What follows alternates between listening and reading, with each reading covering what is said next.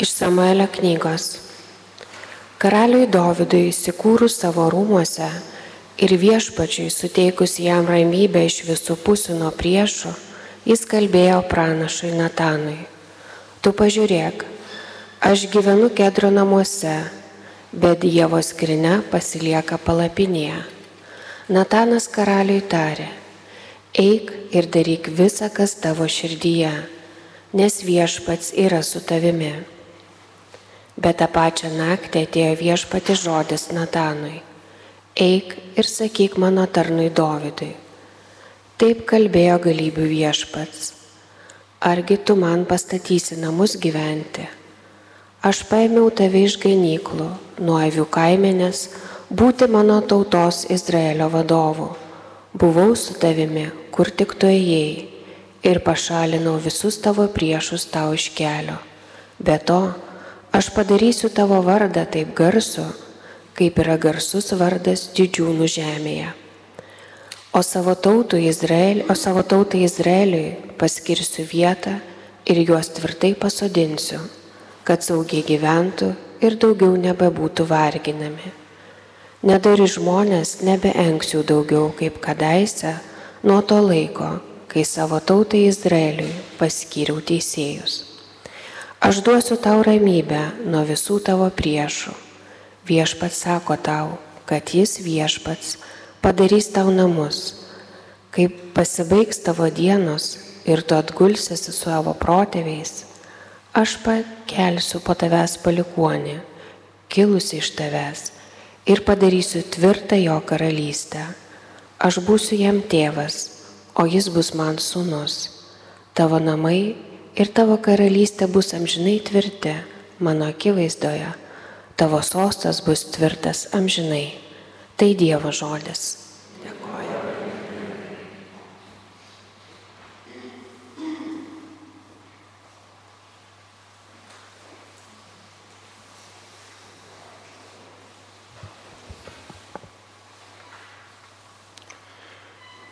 Viešpatiem žinai gėdosiu apie tavo gerumo malonas. Viešpatiem žinai gėdosiu apie tavo gerumo malonas.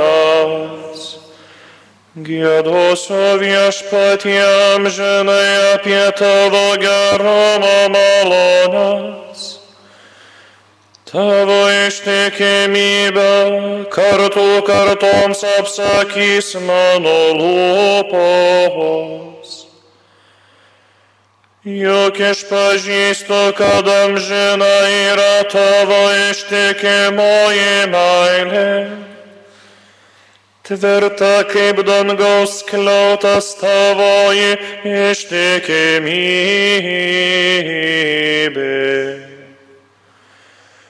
Viešpatiem žinai gėdosiu apie tavo gerumo malonas. Tu pasakei, aš sudariau sandorą su išrinktuoju savo tarnui Dovydui prisiekiau. Tavo palikuonis bus visuomet karalius, visoms kartoms patvirtinsiu tavo sostą.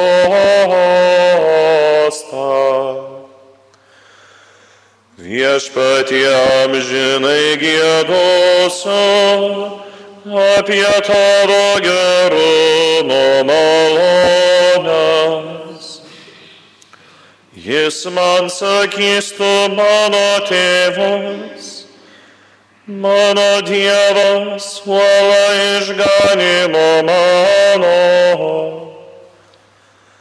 Per amžius įremsiu ištikimąją savo meilę tvirta pasiliks visados sandora mūsų.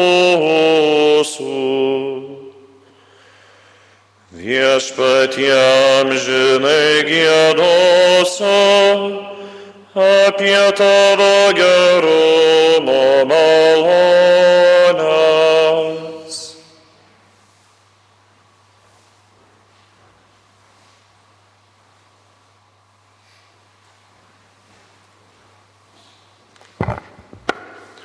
Skaitinys iš Švento Paštalo Pauliaus laiško ramiečiams. Broliai ir seseris, tam, kuris gali jūs padaryti stiprius, kaip sako mano Evangelija, ir Jėzus Kristus kelbimas, sekant apreiškimų paslapties, nutilėtas per amžinuosius laikus, o dabar atskleistas ir pranašų raštais, amžino Dievo įsakymų paskelbtos visoms tautoms, kad jos paklustų tikėjimui, vienam išmintingajam Dievui, per Jėzų Kristų, šlovė amžių amžiais. Amen. Tai Dievo žodis.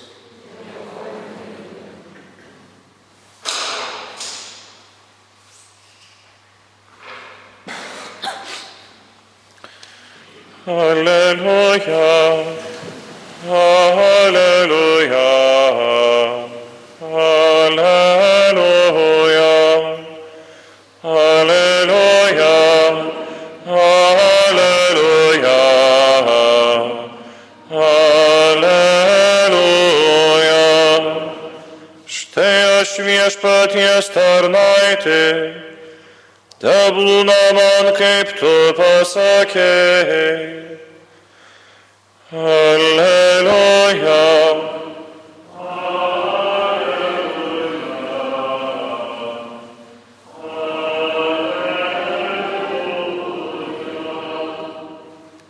Viešpat su jumis.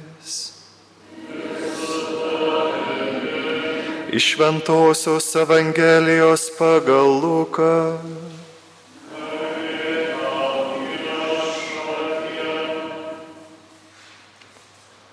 Anuo metu angelas Gabrielius buvo Dievo pasiustas į Galilėjos miestą, kuris vadinasi Nazaretas, pas mergelę sužadėta su vyru vardu Juozapas iš Dovido namų o mergelės vardas buvo Marija. Atėjęs pas ją angelas tarė, sveika malonėmis apdovanotoji, viešpat su tavimi. Išgirdusi šios žodžius, jis sumišo ir galvojo savo, ką reiškia toks sveikinimas. O angelas jai tarė, nebijok Marija, tu radai malonę pas Dievą. Štai tu pradėsi iššiosi ir pagimdysi sūnų, kurį pavadinsi Jėzumi. Jisai bus didis ir vadinsis aukščiausiojo sūnus. Viešpats Dievas duos jam jo tėvo Dovido sostą. Jis viešpataus Jokūbo namuose per amžius ir jo viešpatavimui nebus galo. Marija paklausė angelą Kaip tai įvyks, jeigu aš nepažįstu vyro? Angelas jai atsakė, šventoji dvasia nužengs ant tavęs ir aukščiausiojo galybę pridengs save savo šešėliu. Todėl ir tavo kūdikis bus šventas ir vadinamas Dievo sūnumi. Antai tavoji giminaitė Elsbieta pradėjo sūnų senatvėje Ir šis mėno yra šeštas tai, kuri buvo laikoma nevaisinga, nes Dievui nėra negalimų dalykų. Tada Marija atsakė, štai aš viešpatės tarnaitę, te būna man, kaip tu pasakėjai. Ir angelas pasitraukė. Tai viešpaties žodis.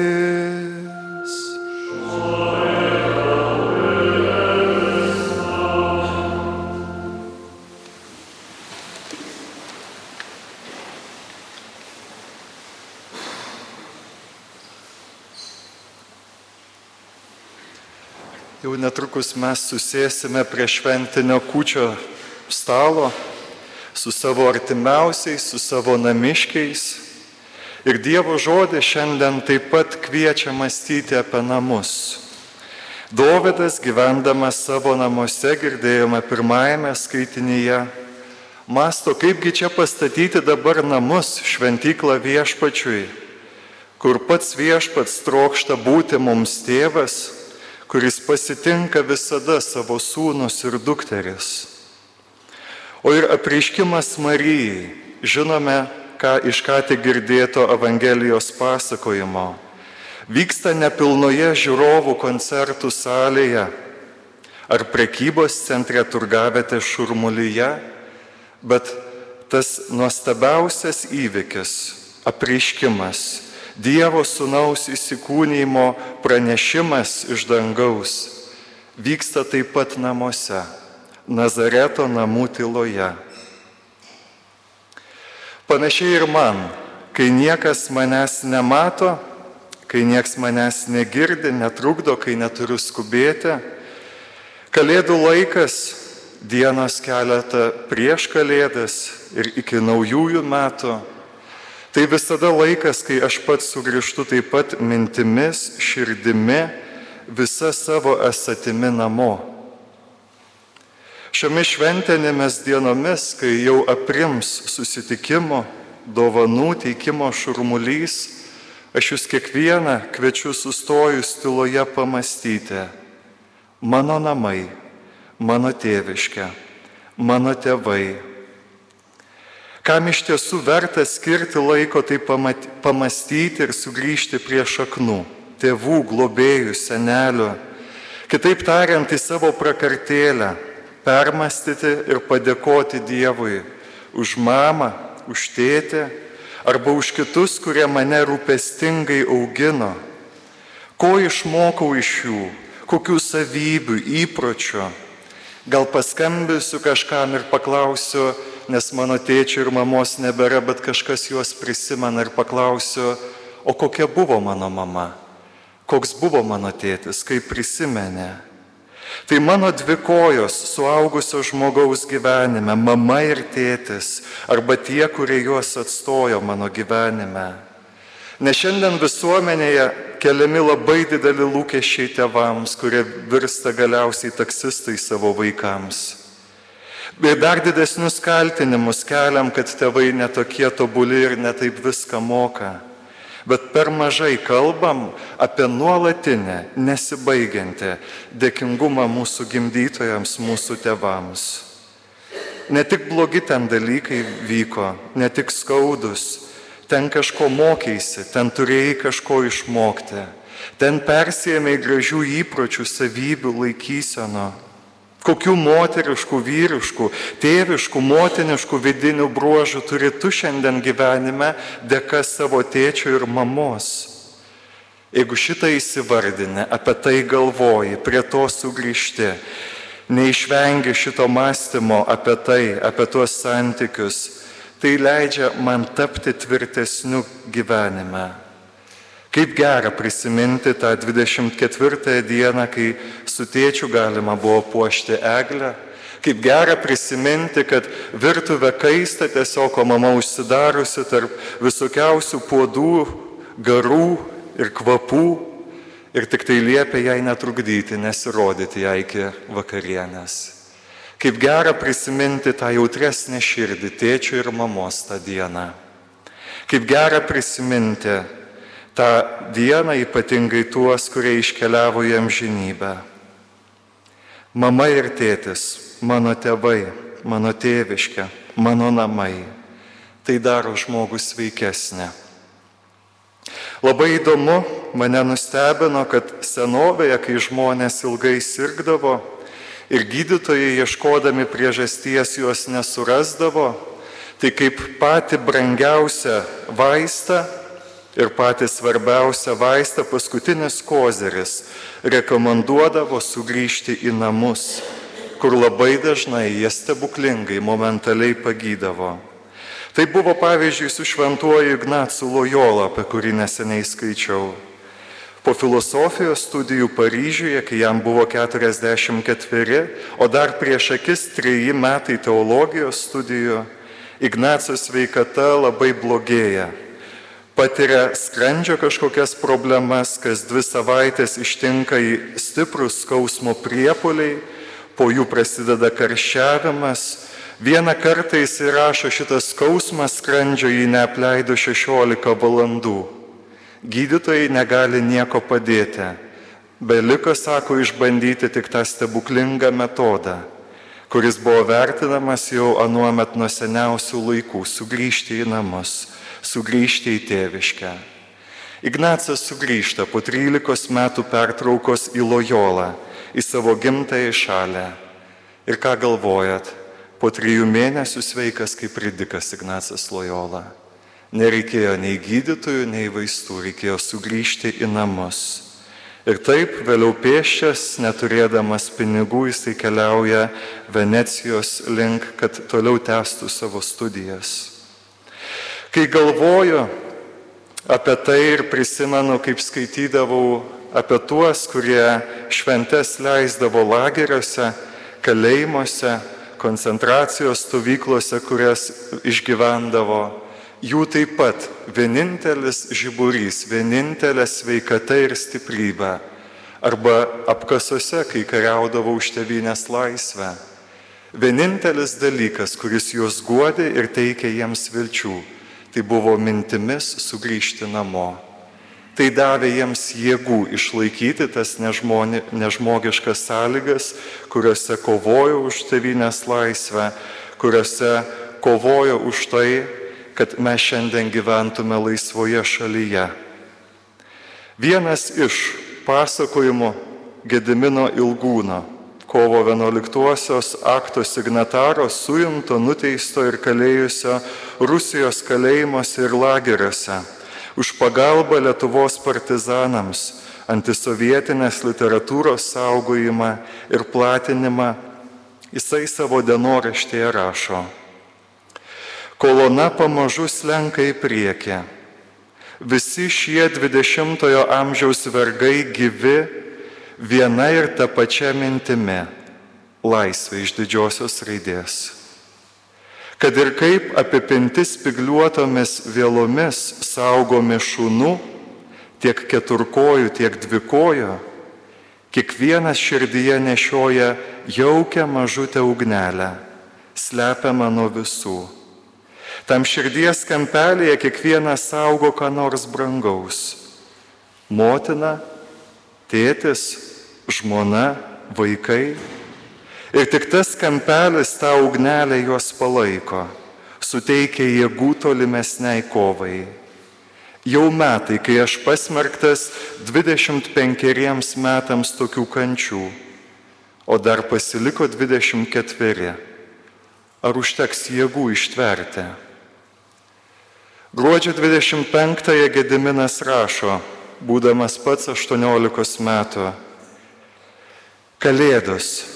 Ką aš galiu parašyti iš Kalėdų įspūdžių, jei šiandien 4.30 ryte atsikėlęs apsiprausiau, pavalgiau ir išėjau į darbą. Tiesa, vienu metu šildydamasis prie laužo mėginau prisiminti savo gyvenimo kalėdas. Mano gyvenimas dar toks trumpas, vos 18 metų man. O kiek skirtumų buvo tarp mano praleistų švenčių. Prisiminiau, kaip švesdavome kalėdas, dar nesant raudonosios geležinės uždangos, kaip parneždavo brolis Vaclovas dovano. Užteko jėgų jam ištverti. Dar daug prasmingų dalykų Gediminas Ilgūnas nuveikė po 90-ųjų nepriklausomoje Lietuvoje ir sulaukė garbingų 74 metų amžiaus. Šiandien visą tai skaitau ir primenu mums visiems, nes galbūt ir tu šiandien negaluoji, galbūt ir tu šiandien liudi, galbūt ir tu šiandien jautiesi kaip paralyžiuotas arba nežinai, kodėl tau ištisai skauda galva, skauda skrandė, skauda širdį tiesiog. Šiandien Dievo žodis ir šitie minėti pavyzdžiai bei žmonės ragina mus, sugrįžki namus. Nesvarbu, jeigu jų fiziškai nėra, sugrįžki namus savo mintimis, savo atmintimis, savo širdimi.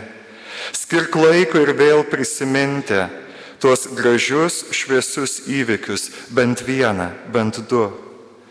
Adventas ir Kalėdos kviečia sustoti ir sugrįžti į savo prakartėlę, prie savo šaknų, į dėkingumą už mamą, tėtę, už tuos, kurie mus saugojo, mylėjo ir drąsino. Ačiū tau Dieve už juos. Amen.